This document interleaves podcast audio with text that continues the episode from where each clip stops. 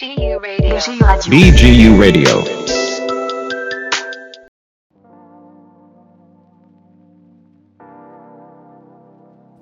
Good afternoon, everyone, and welcome to yet another episode of the Africast podcast. This is part of a series of podcasts from the Economics, Politics, and Society in 20th Century Africa lectures by Dr. Ushehwedu Kufakurinani. In this episode, we explore women's participation in politics in Africa. My name is Francisco, and together with the students from the Masters in African Sustainable Communities, Winnie Nakatude from Uganda. Welcome, Winnie. Thank you, Francisco, for having me. And Solomon from Nigeria. Welcome, Solomon. Thank you for having me, Francisco. We would like to invite you to learn more about the quota system with a case study of Rwanda and Nigeria, and also join us on a discussion of women's involvement in politics in Africa. We will also have Gal joining us to give us a critique of the quota system, and she's from Israel. Africast, the podcast of the Africa Center at Ben Gurion University of the Negev, produced by Shachar Livneh and Omri Ovadia.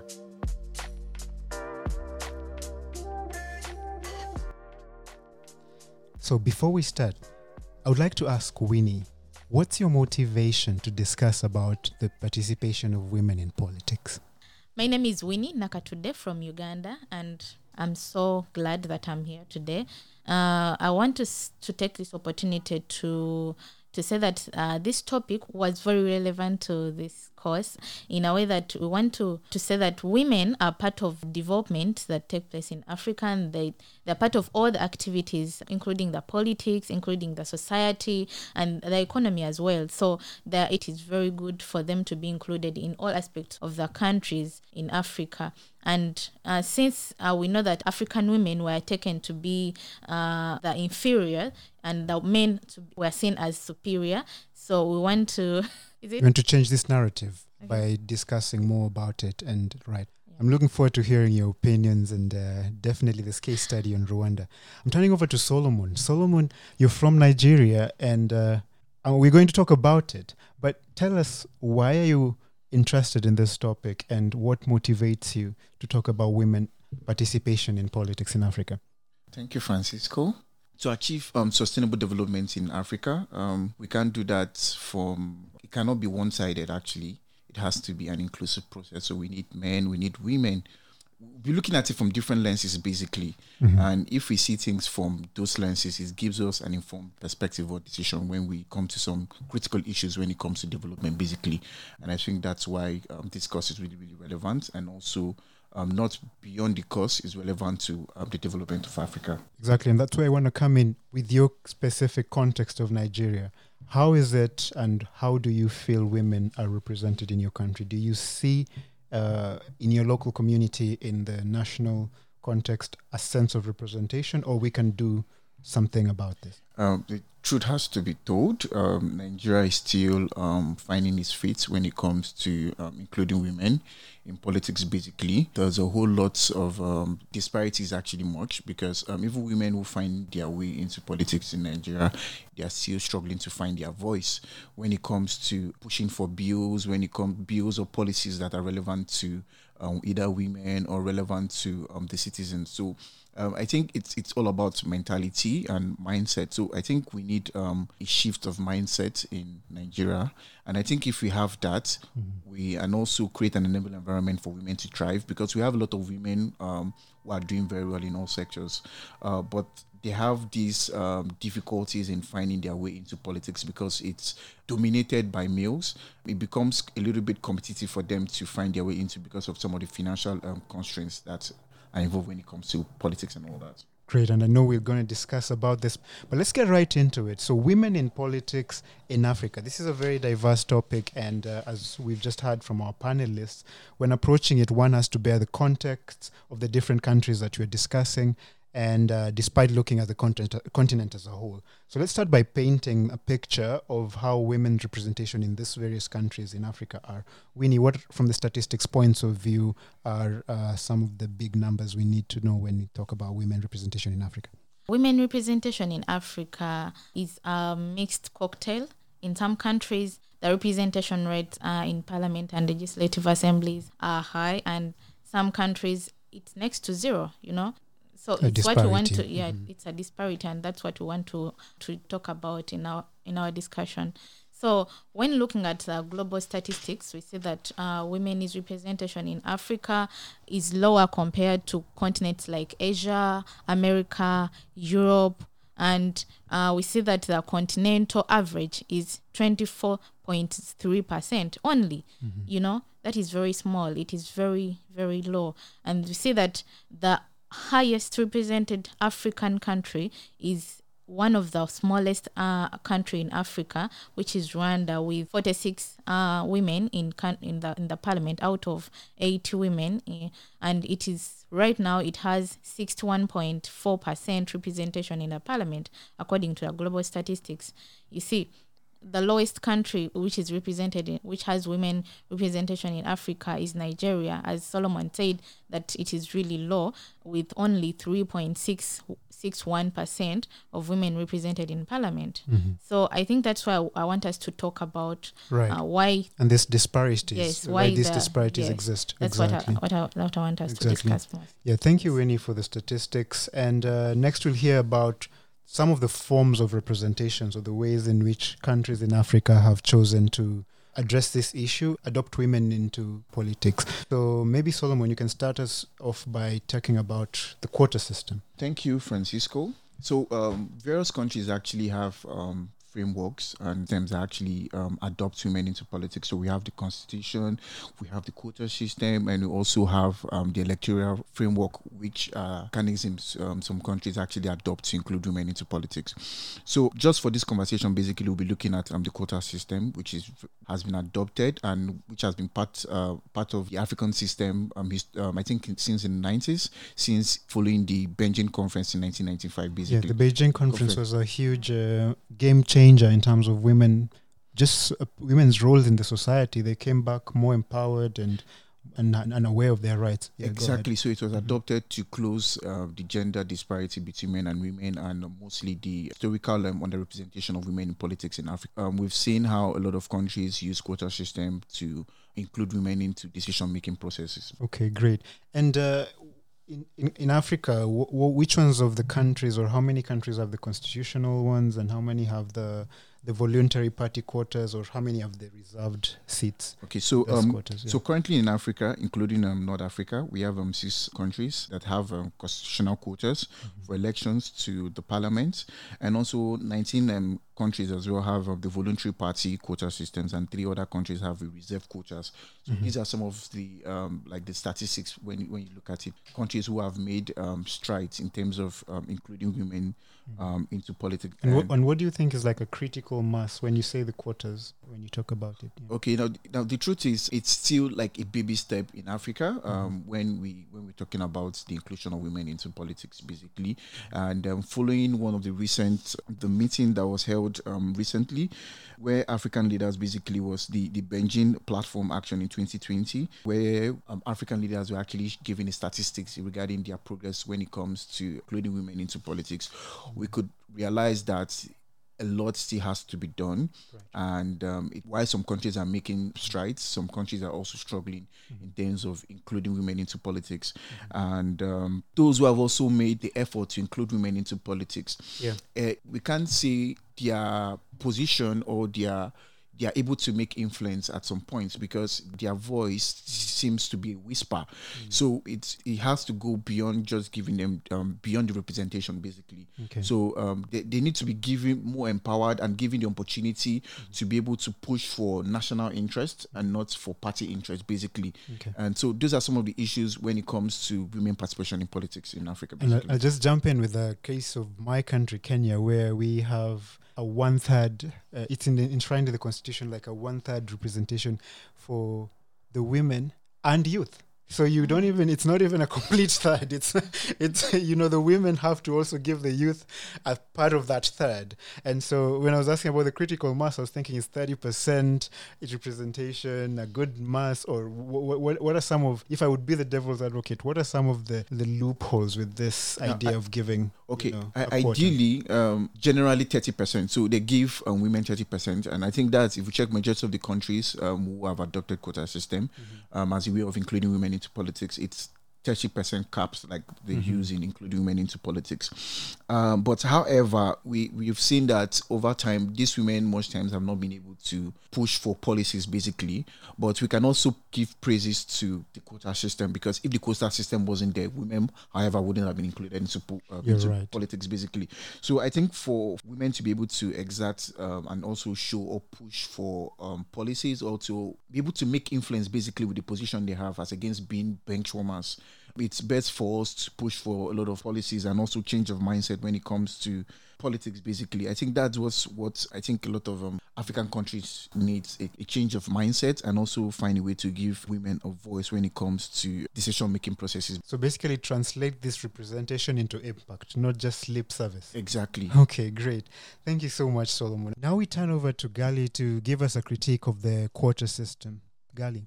Hi, thank you, Francisco. Despite the quota system that is adopted in widely in all the countries of Africa and of course many other countries around the world, there is a fine share of critique actually of the system. Well, let me guess. Is it just because a lot of people think it's patri- patriarchal societies giving women yet another chance and uh, it's not really and, so to speak? It can be also this kind of explanation, but actually there are two waves of critiques for the system.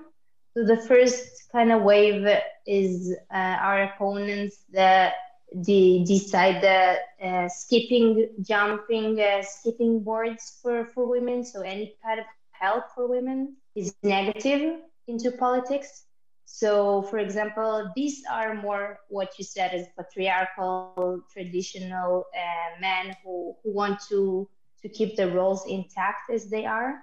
And they don't want to, to challenge the roles by women getting into politics mm-hmm. and having any kind of corrective discrimination towards. So they believe that the world, for example, and any aspect, especially politics, should evolve naturally. So no inter- intervention is actually needed. They believe that the women actually there are not enough unqualified women in the world. So if women will be implemented into politics by the quota system, they will be unqual- there will be unqualified women inside the politics. Though I might tell you that the studies have shown that women in politics are equally or even more qualified than their men uh, colleagues that often don't have higher degrees as the other women. So that was the, the first kind of opponent. And the other kind of opponents are actually more of the fear of the critique of the system, meaning that people who fear from the quota system be a tokenism and they question the actual effectiveness of the system. They say that quota can be interpreted cynically and showing there is a status quo where in reality there isn't one. They fear that being elected on, on the basis of quotas could actually be a counterproductive uh, action for women's empowerment. Say um, many African critics actually uh, critique the quota, even some feminists on the ground believe that it will just be for the sake of tokenism, just for the sake of showing to the world that the politics is uh, equal. There is a quota system implemented, and therefore it is equal. Though in reality, it's a mechanism that just serves the same patronage in the politics. Yeah, so it is beautifully viewed that around the world, most of the countries, let's say, already uh, the quota system. I think it's above 50%. Yet the reality on the ground is that only 20% of all the parliaments in the world are actually taken by women. So there is less than a fifth of women in power in parliaments, which leads me to actually the final note that I want to leave us with is we we see it's a beautiful try and we see that a lot of countries around the world adopt it. But the question we need to ask ourselves is now that we have implemented these quota systems, what else is needed to have women participation in politics actually? Great, great, Gali. And Winnie, we're going to come to you just to get this uh, from the context of Rwanda, which you mentioned has the highest representation in in, in, in Africa currently. Uh, tell us a bit more about how they've managed to get this and uh, and, and any more sort of insights you have about it. Yeah, um, my research was mostly on Rwanda, though we have different African countries uh, with women representation in parliament. But since uh, we saw that Rwanda has the highest representation, I went deep to see how they really managed to do it since the Rwandan genocide in 1994. So we are going to look at that period, that transitional period, the post transitional period from the genocide when when the country is really settling and to how they they started their elections how the politics were getting into place you know how women were really put in the in the quota system how they managed to do it. Because we saw that the first woman mm-hmm. to to come into parliament Angela mm-hmm. Mukakayange. Before that, there were no women representation in parliament. It would took it took a, a really long time for women to come out and be uh, participate in politics, and we saw this happening after the constitution was put in place uh, by the new government, which is the the Rwanda Patriotic Front, the RPF, under the the presidency of uh, Paul Kagame. So we see that the, in the first elections, women occupied nearly 50% of parliament. So women, as uh, mandated in the constitution, hold 30%, and this is 24 seats in the Senate, which is the parliament. So we see that uh, right now, the Speaker of the Chamber of Deputies, which is the, the or the Parliament, is currently a woman, and this is since 2013. So this is a great a great achievement in Rwanda, and it, it really encouraged more women to come in to know to come in different positions, and they went through. So uh, we saw that after that, uh, an additional 15 women were elected in openly competed seats, and this was 39 out of 80 seats. Almost a 50% course, yeah, uh, fi- almost Rep- fifty percent. representation. yeah. Uh, that was in 2003. So today we see that uh, the parliament, uh, the Chamber of Deputies, boasts the highest number of male uh, represent, uh, representation worldwide, which is uh, what I talked about in the first my first presentation. Six, it's nearly 60 67 percent of the recent elections in 2018. But generally, also, there's been a bit of a, a, if I could call it, a challenge in terms of women participation in Rwanda. There was a newsworthy moment when there was a female election uh, aspirant for the presidency, and it brought a bit of a, a challenge. Do you feel that was related to gender, or it was a more political aspect? Um, uh, uh, that issue it was more political it wasn't related to gender Mm-hmm. uh, because if it was related to gender then that means uh, women will not be uh, coming out to participate in politics Okay. this was about her intelligence and, And you her know political yes which uh, made her claim. a threat to the to the president establishment. Yes, okay. I get you.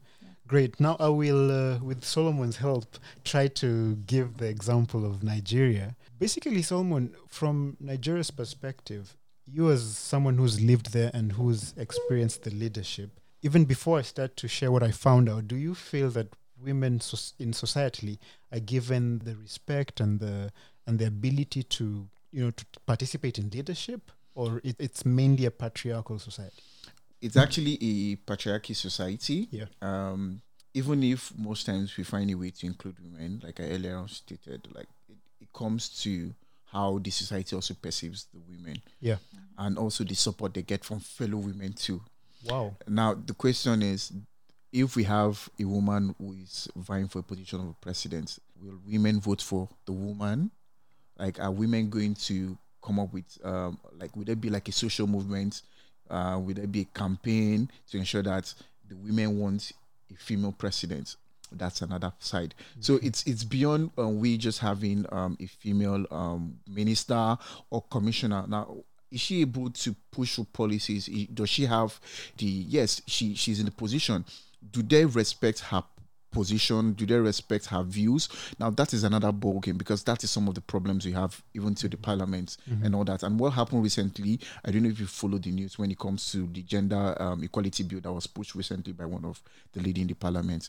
But they ever took it seriously because it was actually coming from a woman and they're also looking at um, it from a religion point of view and all that. It's a whole ball game basically. I think maybe if you have, you Yeah. maybe share. Yeah, um, exactly. From all of the statistics, was as has been said, it's only 3.6% of women that are holding seats in the country's House of Representatives. And in Rwanda, it's a different case because women are highly respected. highly respectful Yes. yeah and so the and also it's it's not undertaken the what you've shared the electoral quotas and so the statistics show that there's only 7 out of the 109 senators and 22 out of the 360 house of representatives being women so this is a, a very you know dis- a huge disparity when it comes to the Okay, now to you. So, what do you think um, most likely will be the problem? Do you think it's because it's a patriarchy society, or do you think um, the system probably because of economic issues? Basically, I think I think it's a mix of everything, as we said. When it comes to participation, women face higher challenges just getting into politics. The cost of uh, of joining politics for women, the cost of nomination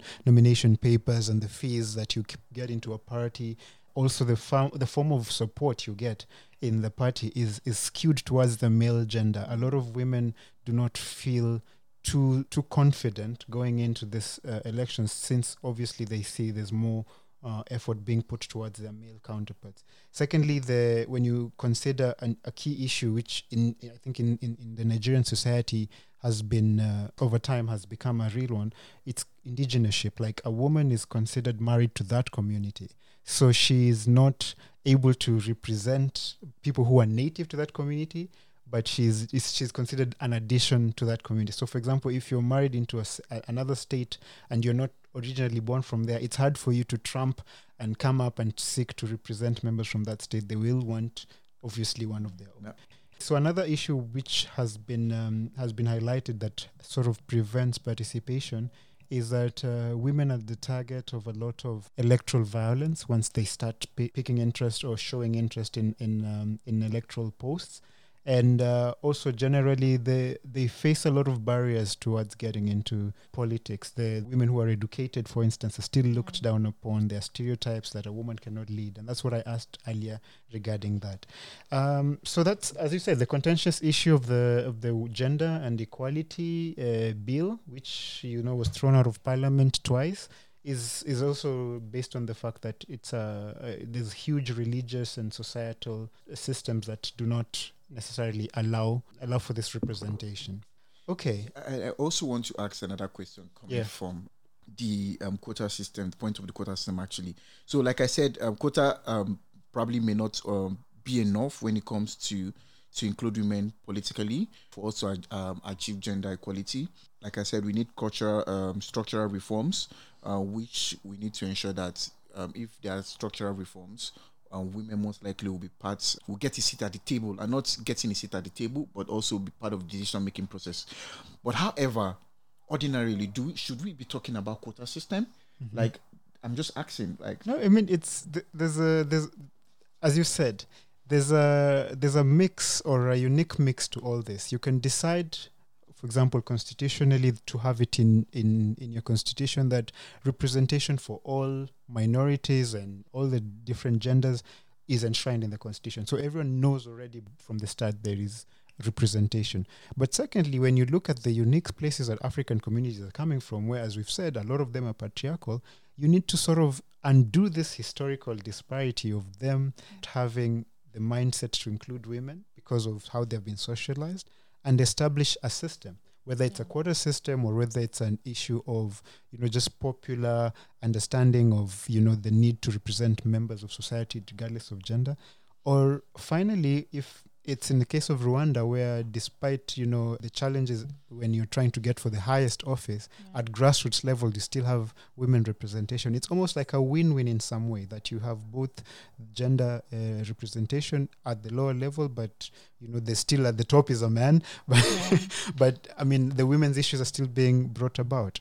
And um, as we were talking about the the importance of re- of really putting women in, in the in the political as- aspect is because women represent women issues that maybe sometimes the male politicians would take for granted Yeah. you know i recall someone talking about the situation here in israel when they were trying to uh, make policies for covid-19 and they had no woman representation in that uh, board and this is this is in many african countries the norm Yes, Yeah. Actually, you would probably find a, a, a committee that has no women, and and people would not find it a problem. Yeah. If you look um, at some of the best practices, there's some things that a woman would know about fellow women that even in a panel of high level experts who are male, they would not. For example, issues related to, so in this particular case of the COVID, uh, they knew that it's most women who take their children from school, or it's most women who uh, are, are doing the shopping for the family. It's most women who are doing some of what in Africa is the unpaid labor, like the childcare, the maternity. And these are aspects that affect people in, in, in their societies and, and, and are related to their well being and their development. And so, if you have a woman legislator, for example, in our African context, uh, who understands this, there's much better, what you said, there's much better chance of this being included in policies because they will either push for this or they will at least bring it to the attention of any male legislator who's pushing for. Yeah, that's my contribution. In conclusion, I would like to know from you, Winnie, what would you like to see in your country or in the rest of the African countries that we've profiled either change or be improved when it comes to representation of women? Yeah, I think for me, it's not about the number of women who are represented in a parliament.